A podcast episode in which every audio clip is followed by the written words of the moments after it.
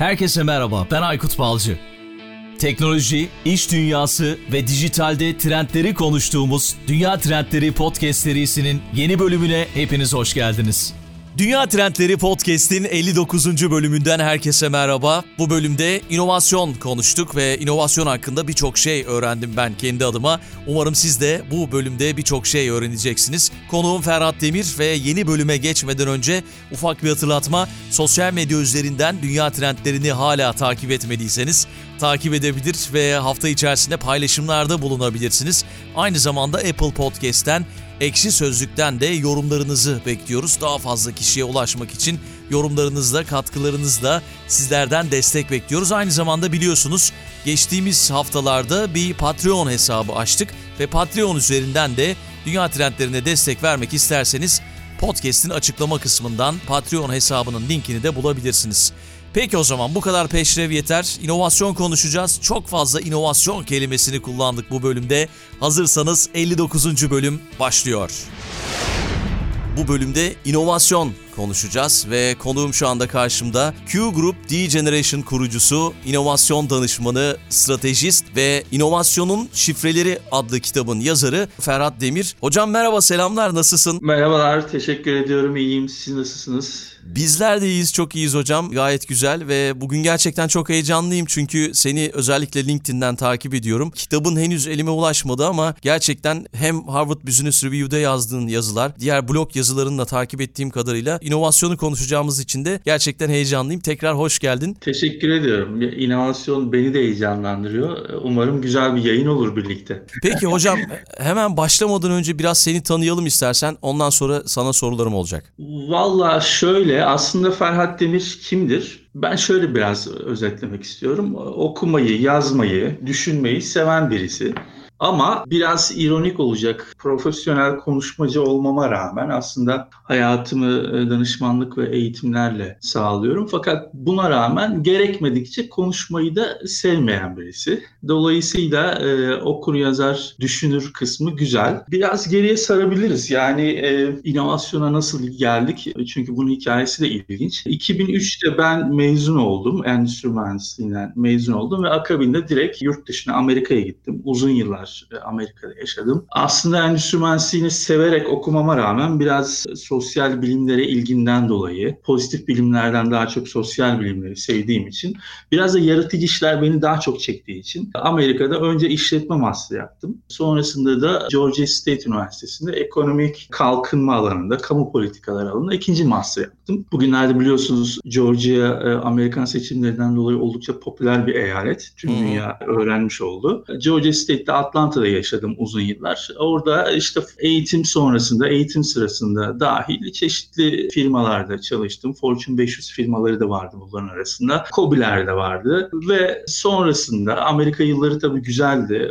Çok hem kişisel gelişim anlamında hem de konsantrasyon anlamında yani bundan sonraki hayatın bundan sonraki kısmında neler yapmalıyım şeklindeki bir hazırlık süreci de olmuş olabilir benim için. Sonrasında Türkiye'ye döndüm ve kendi markalarımı kurdum. Kendi işimi kurdum. Dediğim gibi bir mühendis olarak başladım eğitime ve iş hayatına tabii ki ama e, zamanla bu biraz sosyal bilimlere doğru evrildi. Zaten üniversitede ilk yıllarından itibaren benim aslında ilk aşkım stratejidir. Yönetim bilimleri hep ilgimi çekmiştir. Hı hı. Sonra bu inovasyona evrildi. E, o da çok ilişkili oldukları için yani doğal bir aslında e, evrim süreci yaşamış olduk. Yani son yıllarda teknolojide yaşadığımız bu gelişmeler, işte araştırma geliştirme faaliyetlerinde ülkelerin belki farklılaşmasına ve yenilik yapabilmelerine sebep olan bir şey aslında inovasyon ve uzun süredir de araştırılan, gelişme sağlanan bir konu ve siz de uzun zamandır bu konuda araştırmalar yapıyorsunuz. Bildiğim kadarıyla ilk olarak inovasyon terimi Alman ekonomist Schumpeter tarafından ortaya atılmış. Belki yanlış e, bilgi toplamış olabilirim hocam, düzeltebilirsin beni. Estağfurullah. Estağfurullah, estağfurullah. E, zaman zaman da sosyal medyada daha doğrusu LinkedIn üzerinden senin böyle e, sistemlerin oluyor. İno, ino, inovasyon uzmanları türedi çıktı. Yani inovasyonla birçok kavram karıştırılıyor gibi. O yüzden evet. yazdığın bir blog yazısında da inovasyonu nedir diye tanımlamıyorsun. Ne değildir diye tanımlıyorsun ve inovasyon ne ile ka- karıştırılıyor diye de ekliyorsun. Belki evet. inovasyonun ne olmadığını açıklayarak başlayabiliriz hocam. Evet, evet güzel soru soru. Zaten ben de eğitimlere genelde bu soruyla başlıyorum. Çünkü nedeni bir, inovasyonun evrensel bir tanımına ulaşmak çok zor. Fazlasıyla kabul görmüş ve çoğunluk tarafından benimsenmiş tanımlar var ki ben de kendi tanımımı yapacağım ama evrensel bir tanıma ulaşmak biraz zor. İki, e, dolayısıyla inovasyon ne olduğunu anlatmak, ne olmadığını anlatmak çok daha kolay. İki, inovasyon evet yani dediğiniz gibi çok duyduğumuz, her gün karşılaştığımız bir kavram fakat maalesef ciddi kafa karışıklıkları olan bir kavram. Çünkü kendisiyle yakın kavramlarla çok çok karıştırılıyor. Ama bu ortak dili konuşmadığımız sürece de anlaşmamız mümkün değil. Dolayısıyla kavramlar kavramlar çok önemli. Hatta bu konuda o kadar ciddi bir kafa karışıklığı var ki birkaç hafta önce yapılan o meşhur işte inovasyon haftası etkinliğimizde yine çok çok bilinen, anlaşanlı bir profesörümüz ama alanı inovasyon olmayan bir profesörümüz inovasyonu maalesef yüzlerce, binlerce insanın önünde hatta ekranları da bunu katarsak belki milyonlarca insana yanlış anlattı. İcat da karıştırdı mesela orada inovasyonu. Hı hı. Şimdi şöyle inovasyon kendisiyle çok yakın kavramlar, icat, yaratıcılık, keşif gibi kavramlarla çok karıştırılıyor. İnovasyon bunların hiçbirisi değil. İnovasyon kapsar, bazılarını kapsar, bazılarını kapsamak zorunda değil ama hepsinden fazlasıdır. Dolayısıyla inovasyonu bir kere doğru tanımlamamız lazım. Benim tanımım şu, bir fikrin ya da bir icadın yeni bir ürüne değer yaratan yeni bir ürüne ya da hizmete dönüştürülmesidir. Burada kritik ifade değer yaratan. Ne demek değer yaratan? Yani ben değer yaratmayı nasıl ölçümlerim? Ben değer yarattığını nasıl anlarım? Bu çok güzel bir soru. Çünkü burada yine her ne kadar mühendis geçmişimi biraz bastırmış olsam da beynimin e, mühendis lobları e, çalışmaya devam ediyor. Bir şeyi yönetebilmek için ya da bir şeyin netleştirebilmek için ölçmemiz lazım. Bu değer yaratmayı şöyle ölçebiliriz. Eğer pazarda o ürüne ya da o hizmete para verip satın alıp evine götüren insanlar varsa ya da sepetine atan insanlar varsa dijital medyada bunun içine katalım o başarılı bir inovasyondur. Dolayısıyla her yeni ürün de sürdürülebilir ve başarılı bir inovasyon değildir. Dolayısıyla bazen şöyle işte Türkçemize sadık kalalım itirazıyla inovasyon kelimesine karşı çıkan arkadaşlarımız var. İnovasyon demeyin yenilik değil ya da yenilikçilik değil. Hayır. Her yeni her yenilik, her yeni şey inovasyon değildir. İnovasyonun olabilmesi, başarılı inovasyon diyebilmemiz için bunun pazarda müşteri tarafından satın alınması gerekiyor ve bu sürekli olması gerekiyor. Yani tekil bir satış da inovasyon değildir. Dolayısıyla inovasyonu biz icat gibi, yaratıcılık gibi, keşif gibi kavramlardan ayırmamız gerekiyor. İcat, icatın e, ticari bir kaygısı yoktur. Yeni bir metot, süreç, cihaz, işte adet, alet, edevat geliştiririz. Biz buna icat deriz. Keşif başka bir şey. Bir örnek belki burada verebiliriz sözü çok uzatmadan. Örneğin küf mantarları. Küf mantarlarının bakterileri öldürdüğünü bulmamız bizim keşiftir.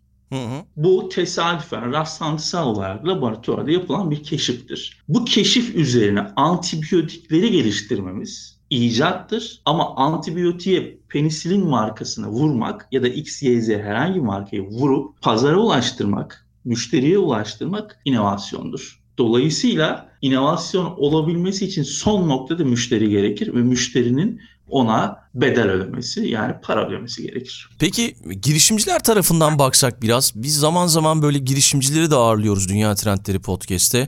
Girişimcilerin en büyük hatası ne oluyor? Yani girişimcilerin potansiyel müşterisi kimlerdir? Nasıl başlamalılar? Nereden başlamalılar bu inovasyon konusunda? Belki dünyadan da örnekler verebilirsin hocam. Böyle ilerleyebiliriz. Evet evet yani şöyle ben işte şöyle tarif ediyorum kavramları oturtarak. Mesela mucitlerin mesleği icattır. İşte sanatçıların mesleği ya da işi diyelim yaratıcılıktır. E, girişimcilerin işi de inovasyondur. Yani girişimciler e, başarılı inovasyonlarla başarılı girişimciler olabilirler. İnovasyonda da şu noktada e, inovasyon ne, nerede başlar ve nerede biter? E, bu da güzel bir soru soru olabilir. Çünkü bu diğer kavramlardan yine ayrıştırıyor kendisini. Onu da birazdan açarız. Girişimciler perspektifinden bakarsak şöyle. Tabii bu bir de şöyle düşünmek lazım. Dünyadaki girişimcilik ekosistemleriyle büyük ekosistemlerden bahsediyorum. Örneğin Almanya'dasınız. Siz hı hı. Berlin, işte Avrupa'da Londra, Stockholm, işte yeni yeni Barcelona. Bunlar büyük işte Amerika kıtasına gidersek tabii ki San Francisco, New York. Bunlar büyük inovasyon ekosistemleri, girişimcilik ekosistemler. Şimdi buradaki girişimcilerin farkındalık düzeyiyle, olgunluk düzeyiyle, tecrübe seviyeleriyle Türkiye ekosistemi biraz daha farklı. Çünkü biz yeni gelişen bir ekosistemiz. Türkiye'de benim en fazla karşılaştığım hatalardan bir tanesi fikre, girişimcinin fikrine çok fazla odaklanıp müşteriyi ıskalaması, potansiyel müşteriyi ıskalaması. Aslında şöyle düşünelim. Fikir, inovasyon fikri nasıl doğar? Bir girişimci o fikri nasıl bulur? Nereden harekette bulur?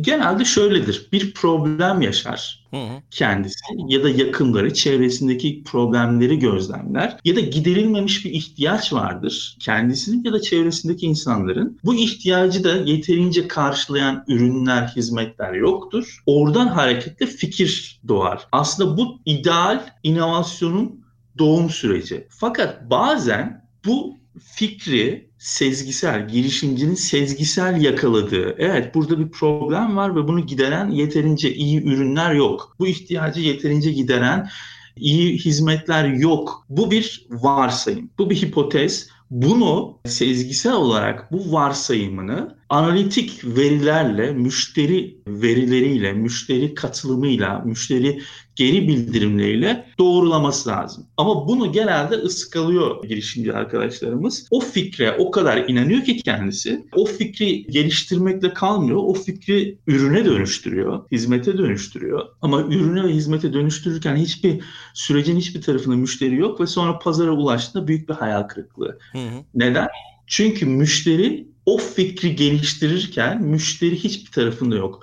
Dolayısıyla şuradan başlamak gerekiyor. Fikirden değil, fırsattan. Ben o yüzden hep şunu söylerim. İyi fikir değil, iyi fırsat. Fırsat nedir? Fırsatı nasıl tanımlarız? Pazarda, piyasada diyelim, ihtiyacı ama önemli ihtiyacı yeterince giderilmemiş, tatmin düzeyi düşük, çok sayıda potansiyel müşteri varsa orada güzel bir inovasyon fırsatı var demektir.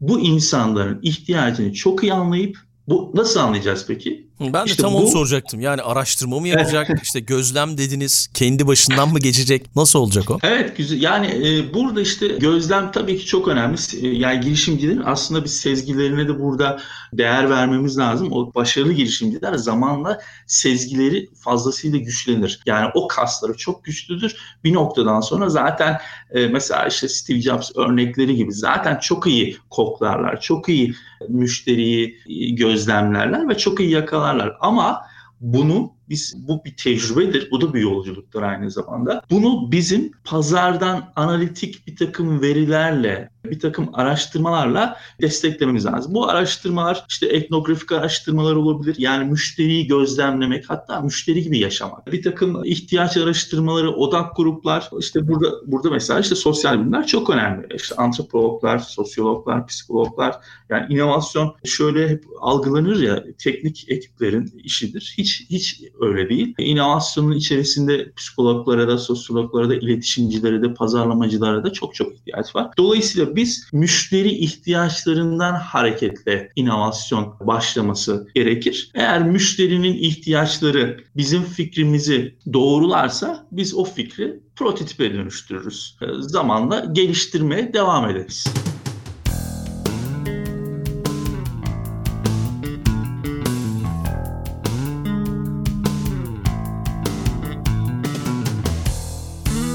Bir konferansta milkshake örneğini vermiştiniz. Belki o örneği verebilirsiniz. Evet. Şimdi şöyle aslında milkshake örneği Clayton Christensen'in örneği. Clayton Harvard profesörü. Benim de çok e, önem verdiğim, değer verdiğim inovasyonun üstadlarından birisi. Tabii o bu ihtiyaç, e, müşteri ihtiyaç kavramını, Jobs to be done teorisini e, ilk ortaya attığında anlatırken tabii zorlandığı için örnekler veriyor. Milkshake zamanında klasik bir örnek haline dönüşüyor. Şimdi milkshake'te durum şu. Biz nasıl düşünürüz? Yani milkshake'i genelde kimler tüketir? İşte tipik olarak çocuklar aklımıza gelir. Hı hı. Evet bu doğru. Bu doğru. Ee, ama onunla birlikte farklı bir takım e, segmentlerin de ciddi şekilde milkshake tükettiğini e, çeşitli araştırmalar sonucunda görüyoruz. Özetle şu şekilde milkshake e, ekibi, pazarlama ekibi ürünü iyileştirmek istiyor ve bu iyileştirme neticesinde aslında satışların artmasını beklerken tam tersi satışlarda hiçbir hareketlilik yok. Çünkü e, müşteriye yanlış sorular soruluyor. Bu araştırmalar esnasında tabii doğru sorular sorulması gerekiyor. Onu da konuşmuştuk. Araştırmalar son derece kritik ki bana göre inovasyonun en önemli aşaması yani ürün geliştirme değil. İşte execution bile bana göre yani uygulama bile değil. Müşteri ihtiyaçlarını doğru tanımlama aşamasıdır. Yani her şeyin başı. Bu aşamada müşteriye biz yanlış sorular sorarsak, örneğin çözümü sorarsak müşteri bizi yanıltır. O yüzden Henry Ford der ki ben insanlara sorsaydım benden hızlı atlar isteyeceklerdi. Evet. Ama o, o o otomobili önermiş. Otomobili e, işte pazara sunmuştur. Çünkü oradaki ihtiyaç at ihtiyacı değil. Oradaki ihtiyaç ulaşım ihtiyacı. Ve Clayton şöyle der. İnsanlar ürün ya da hizmet satın almazlar. İhtiyaçlarını gidermek için bir süreliğine kiralarlar. Burada insanların önem verdiği şey ihtiyaçlarını gidermektir. Sizin ürününüz değil. Hatta daha iyisini bulduğunda bir dakika bile beklemez. Hemen değiştirir. Dolayısıyla önce ihtiyacı anlamak gerekiyor. E, Milkshake ekibi de ihtiyacı anlamak yerine çözüm odaklı gittiği için dolayısıyla bir çuvallıyor. Sonrasında tabii daha derin araştırmalar başlıyor. Farklı lokasyonlarda uzun süreli gözlemler, daha derin bir takım araştırmalar ve sonunda şu ortaya çıkıyor. Ya milkshake aslında çocuklar kadar, o, o kitle kadar başka bir kitle tarafından da tüketiliyor. Bunlar beyaz yakalılar. Ama sabah işe giderken milkshake alan insanlar.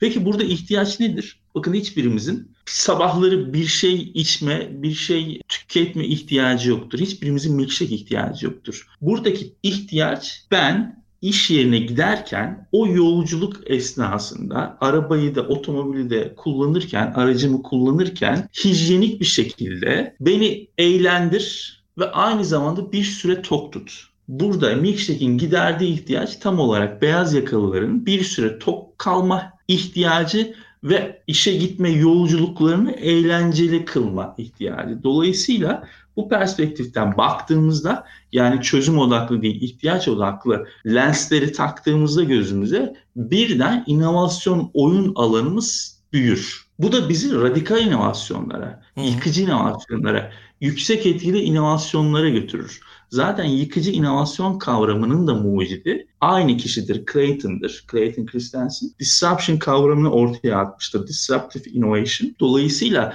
zaten onun bu ihtiyaç kavramıyla disruption kavramı birbirlerini çok iyi beslerler ve çok iyi örtüşürler. Dolayısıyla biz ihtiyaç odaklı baktığımızda büyük inovasyonlara çok daha rahat ulaşabiliriz yani neden işte eğer sıradan inovasyonlar değil de büyük inovasyonlar diye düşünecek olursak yani neden radikal inovasyon, neden yıkıcı inovasyonlar? Bunun aslında İngilizce çok güzel bir e, kavram var, terim var. Türkçemizde yok o. Non-incremental innovation. Hı. Yani arttırımsal olmayan inovasyon. Yani yüksek etkili inovasyon. Bunlar çok önemli çünkü siz bir marka olarak, bir işletme olarak, bir girişimci olarak tabii ki yüksek cirolara, yüksek satışlara ulaşmak istiyorsunuz. Başarı kriteriniz, en önemli başarı kriteriniz bu. Daha fazla insana ulaşmak istiyorsunuz. E bunun için de niş pazarlara ihtiyacınız var. Marjı sizin belirleyeceğiniz, monopol olabileceğiniz hatta mümkünse bütün rekabeti arkada bırakabilir, rekabet etmeyeceğiniz, rakibin olmayacağı bir monopol en güzel şey bu değil midir bir işletme için, bir girişimci için? Dolayısıyla bu ancak bu tip inovasyonlarla gelir. Yani küçük arttırımsal inovasyonlarla niş pazarlar yaratmamız çok zor. Hı hı. Kitabınızda inovasyonun şifreleri kitabında dörde ayırıyorsunuz. İnovasyonun şifrelerini yani dört şifreye işte farkındalık, strateji, fikir ve müşteri diye. Strateji tarafına baktığımızda strateji ve inovasyon arasındaki ilişki nasıl olmalı? Az önce biraz bahsettiniz ama belki bu içinde bulunduğumuz kriz dönemini de değerlendirerek çünkü birçok marka kriz dönemlerinde ya yükselişe geçmiştir ya da yaptığı bu küçük küçük inovasyonlarla belki de o radikal inovasyonlarla bu zamanlarda doğmuştur. Bu stratejik düşünceyle inovasyon ilişkisi nasıl olmalı? Bundan biraz bahsedebilir misiniz hocam? Tabii ki. Yani bu da benim çok önem verdiğim bir nokta. Şimdi şöyle aslında strateji bugün hayatta başarılı olmak her, isteyen herkesin bilmesi gereken bir şey. Stratejik düşünce bugün meslek fark etmeksizin sadece girişimciler, sadece işte iş dünyasındaki profesyoneller için değil, ister öğretmen olun, ister nedir bir avukat olun, ister bir siyasetçi olun, stratejik düşünce, stratejik düşünme becerisine sahip olmanız gerekiyor. Çünkü e, mevcut dünya düzeni, mevcut şartlar, verili düzen bunu gerektiriyor. Yani rekabetin olduğu bir dünya düzeninde strateji bilemezseniz, bilmiyorsanız başarılı olamazsınız. Bu çok net. Dolayısıyla strateji sadece inovasyonla ya da sadece girişimcilerle ilişkili bir kavram değil bütün mesleklerin ve bütün disiplinlerin bilmesi gereken bir kavram. Ama inovasyon özelinde eğer konuşacak olursak biraz şöyle yaklaşalım meseleye. Şimdi inovasyon amaç mıdır, araç mıdır? Şimdi ben bir inovasyon danışmanı olarak aslında kendi varlığımla, varoluş nedenimle tezat bir şey söyleyeceğim. İnovasyon bir amaç değildir. İnovasyon bir araçtır. Ben de öyle söyleyecektim. Araçtır. evet. evet, inovasyon bir araçtır. Şimdi bazı arkadaşlarımız bazen inovasyonu öyle bir anlatıyor ki, ki ben de fazlasıyla inovasyona tutkulu bir insanım ama günün sonunda İnovasyon bir araçtır. Ne için bir araçtır? İnovasyon büyümek için bir araçtır. Yani şirketlerin amacı nedir? Şimdi bu soru klasiktir ve klasik yanıtı da kardır. Şimdi ben ona kar demiyorum, büyüme diyorum. Süreklilik. Grow. Olabilir. Evet yani grow, büyüme. Neden? Çünkü bazı şirketler stratejik olarak kar değil ciroyu öncüler. Bu da bir stratejidir. Yani şöyle düşünün. Ben 20 milyon ciro yapacağım. %20 kar marjıyla 20 milyon ciromu işte %100 milyon ciro hedefiyle %10 kar marjımı. Şimdi baktığınızda ikinci seçenek büyümek için çok daha cazip gelebilir bir şirkete. Bu bir stratejik karardır. Hı. Tabii o stratejiyi destekleyen yetkinliklere sahip olması gerekir. Ayrı mesele. Dolayısıyla inovasyon büyümek için bir araçtır. Peki büyümenin nasıl olacağını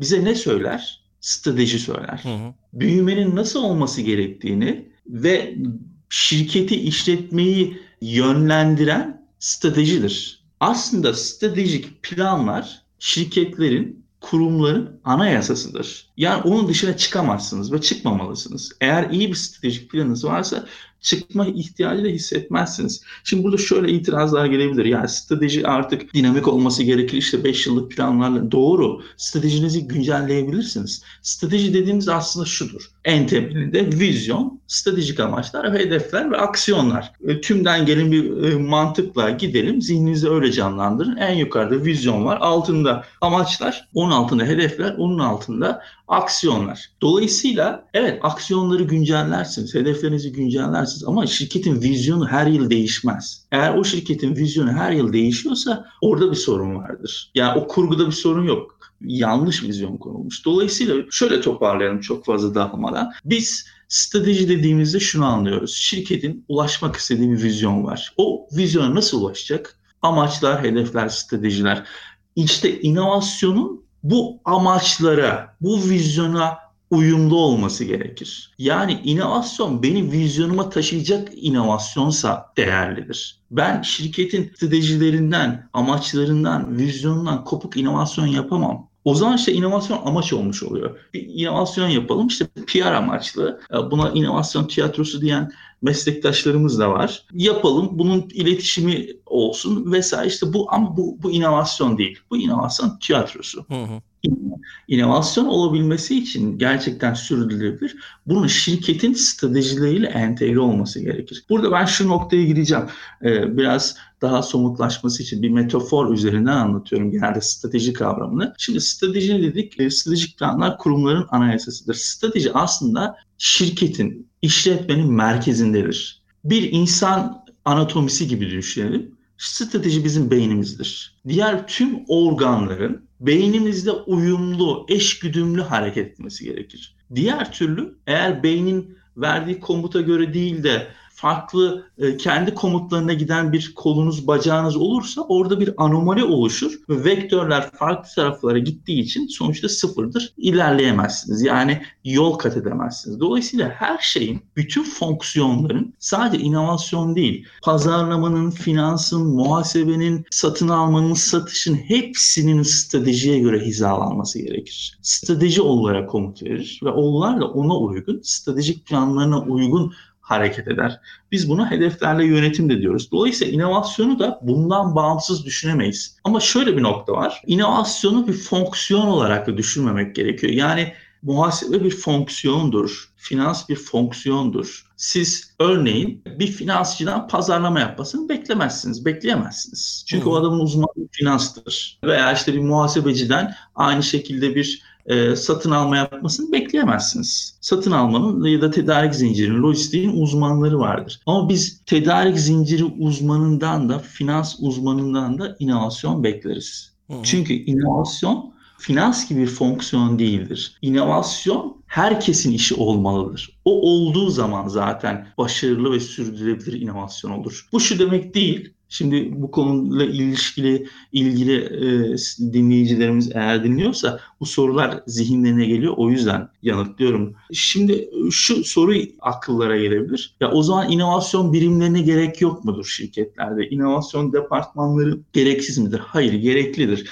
Aslında ideal şudur. O şirketin DNA'sında inovasyonun olması. Yani istem dışı zaten insanların inovatif olması, inovatif sonuçlar üretmesi ve işini gündelik işini yaparken zaten inovasyonla onun ne diyelim hem hal olması, inovasyonla onun zaten çıktılarının o şekilde çıkması. Ama bu maalesef çoğu işletmemizde bu şekilde değil. Dolayısıyla bu tip sonradan inovasyona başlayan, yarış, yarışa sonradan dahil olan şirketlerde evet inovasyon birimleri gereklidir. Ama o birimler, o ekipler, o departmanlar inovasyon yapmaktan sorumlu değildir ve olmamalıdır. İnovasyon o ekiplerin işi değildir. O ekipler kurumdaki herkesi, şirketteki herkesi yönlendiren, inovasyona kanalize eden, inovasyon araçlarıyla donatan, gerekli araç setiyle onları destekleyen birimlerdir. Aslında bir orkestra görevi görür inovasyon birimleri. Hı. Dolayısıyla ee, inovasyon son kertede stratejik e, düşünceden, stratejik plandan, stratejik yönetimden bağımsız olamaz. Strateji doğrultusunda inovasyon yapmamız gerekir.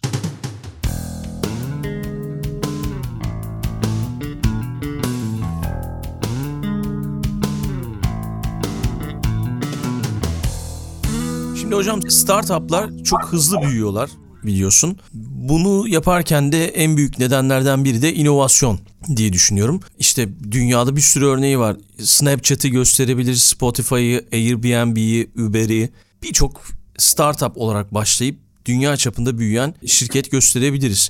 Kurumsal firmalar startuplar gibi hareket edebilirler mi acaba? Bunu merak ediyorum. Büyük inovasyonlara imza atabilirler mi? Bu konuda evet, ne söylemek çok, istersin? Çok güzel bir soru. Yani aslında bu çok da tartışılan bir konu. Oldukça gündemde olan bir konu. Hatta bununla ilgili de ben yeni çıkan bir takım kitaplar da LinkedIn'de vesaire çeşitli platformlarla önerdim. E, aslında şöyle bir algı var değil mi çoğumuzda? İşte kurumsal firmalar, yerleşik firmalar, inovasyon biraz inovasyonda başarısızlar. İnovasyon yapamazlar. Evet genelde böyle. Evet. Halbuki durum çok da öyle değil. E, baktığımızda Evet yani bir işte Uber örneği var, Snapchat örneği örnekler verilebilir ama e, yüksek etkili inovasyonların, büyük inovasyonların çok büyük bir kısmı da kurumsal firmalar tarafından çıkmıştır. Yerleşik firmaları tarafından çıkmıştır. Örneğin IBM e, oldukça e, inovatif bir iş firmadır. E, kurumsal firmalar pek tabii inovasyon yapabilirler. Ama e, Apple'ı da sayabiliriz belki hocam. Tabii aynen çok güzel. Yani Apple da buna bir örnektir. Mesela şöyle aslında kurumsal firmalarda zor olan şudur. İşte bugün kulaklarını çok çınlatıyoruz. Ne diyelim toprağı bol olsun. Clayton Christensen e, onun bu konuda tamamen bu konuya adanmış bir kitabı var. Der ki kurumsal firmalar işte disruption kavramı oradan çıkar. E, kurumsal firmalar kendi core işlerine bir süre sonra o kadar odaklanırlar ki ama o core iş elinde sonunda doygunluğa ulaşır, pazar doyuma ulaşır, ulaşabileceği kadar kitleye ulaşır. Bir noktadan sonra eğer siz kendinizi yenilemezseniz, kendinizi yıkamazsanız o pazar düşüşe geçer. Dolayısıyla o yıkım anında, yıkım derken o düşüş anında kendinizi yıkabilmeniz lazım. Dolayısıyla kendisini yıkabilen markalara, yerleşik oyunculara, kurumsal firmalara çok örnek verilebilir. İşte dediğiniz gibi Apple böyle bir örnekti. Yani Apple telefon, cep telefonu işine girmesi kendini bir nevi baştan yaratmasıdır. T-Mobile örneği vardır. Tamamen iş modelini değiştirmiş ve AT&T, işte Verizon gibi çok büyük iki rakibin çok büyük müşteri kitlesini koparabilmiştir. Pazarı değiştirmiştir. Yani sadece kendi iş modelini değil, Verizon'u AT&T'nin iş modelini değiştirmeye zorlamıştır. Bunun örnekleri mesela Adobe vardır, Microsoft örneğin doyuma ulaştığı bir noktada kendini yenilemeye başlamıştır. Mesela başarısız örnekleri de vardır bu kurumların ama bu kurumlar bugün ayaktalarsa sürekli kendilerini yeniledikleri için Amazon çok güzel bir örnektir örneğin değil mi? Bugün Amazon dünyanın en fazla, en yenilikçi, en inovatif firmalarından bir tanesidir. En fazla inovasyon imza atan. Dolayısıyla kurumsal firmalarda inovasyon inovasyon mümkün. Tabii ki mümkün ama kurumsal firmalarda bizim inovasyona yaklaşımımızla, yol ve yöntemlerimizle, kullandığımız metot ve süreçlerle startup'takilerin biraz farklıdır ve farklı olması gerekir. Çünkü kurumsal kültür farklıdır. Orada insanların behavior'ları, davranışları, eğilimleri, psikolojileri farklıdır. Dolayısıyla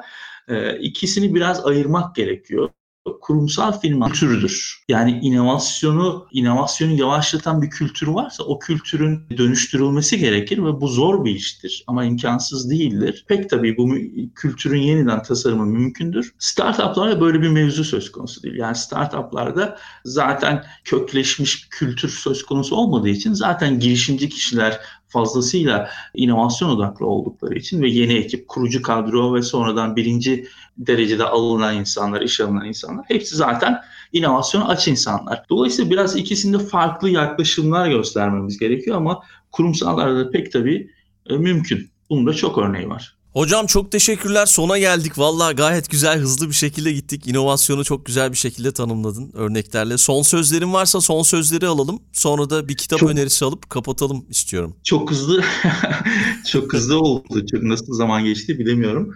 Şöyle kitap önerisi tabii ki var. Aslında şöyle inovasyonla ilgili güzel çok sayıda kitap var. Ben bunları e, işte tüm zamanların en iyi 11 inovasyon kitabı, tüm zamanların en iyi 11 strateji kitabı şeklinde Medium'da paylaştım. Ama bir iki tanesini burada tekrarlayalım. E, dediğim gibi Clayton Christensen'in tüm kitapları maalesef yakın zamanda aramızdan ayrıldı. Keşke bu tip insanları yaşarken kıymetlerini bilsek. Gerçekten çok önemli, değerli e, insanlar ve hem literatüre hem de yani pratiğe. Şimdi Clayton'ın farklarından bir tanesi de bu. Sadece bir teorisyen değil aynı zamanda Hadan gelen birisi. Düşünceleri çok kıymetli. Onun tüm kitapları ve ben şu anda da önem verdiğim, e, halen hayatta olan Geoffrey Moore'un yine bütün kitapları ama Dealing with Darwin, Crossing the Chasm özellikle iki önemli kitabı. Kendisi teknoloji, ürün döngüsüne, ürün yaşam döngüsünü aslında inovasyon türlerini ve stratejilerini yerleştiren, entegre eden bir güzel bir framework geliştirmiştir. Onun dışındaki kitaplar zaten pek çoğu biliniyor. Pek çoğu da çeşitli yerlerde yazıldı, çizildi. Tabii ki bizim kitabımız bu arada.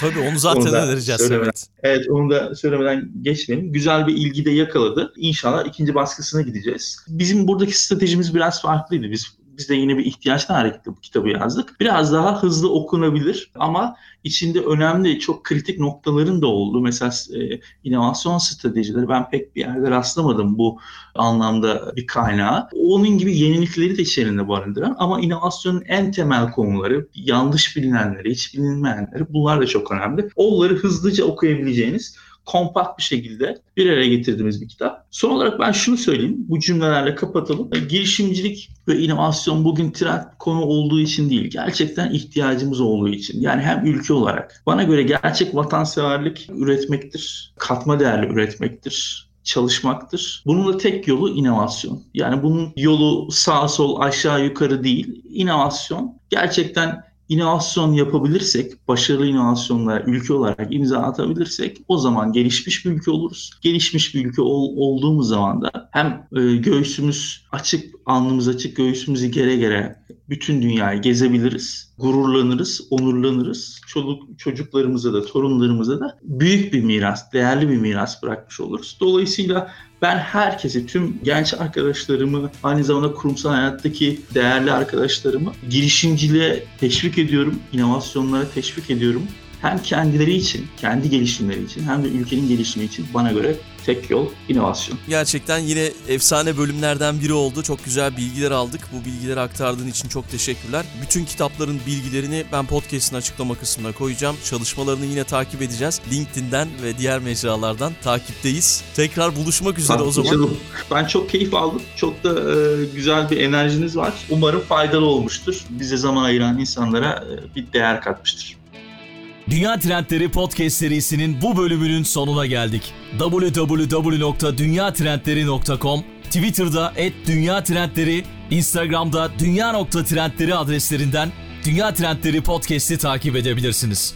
Unutmayın önerileriniz ve merak ettikleriniz içinse info.dünyatrendleri@gmail.com adresinden mail atabilirsiniz. Bu bölümü dinlediğiniz için çok teşekkürler. Yeni bölümde tekrar buluşmak üzere.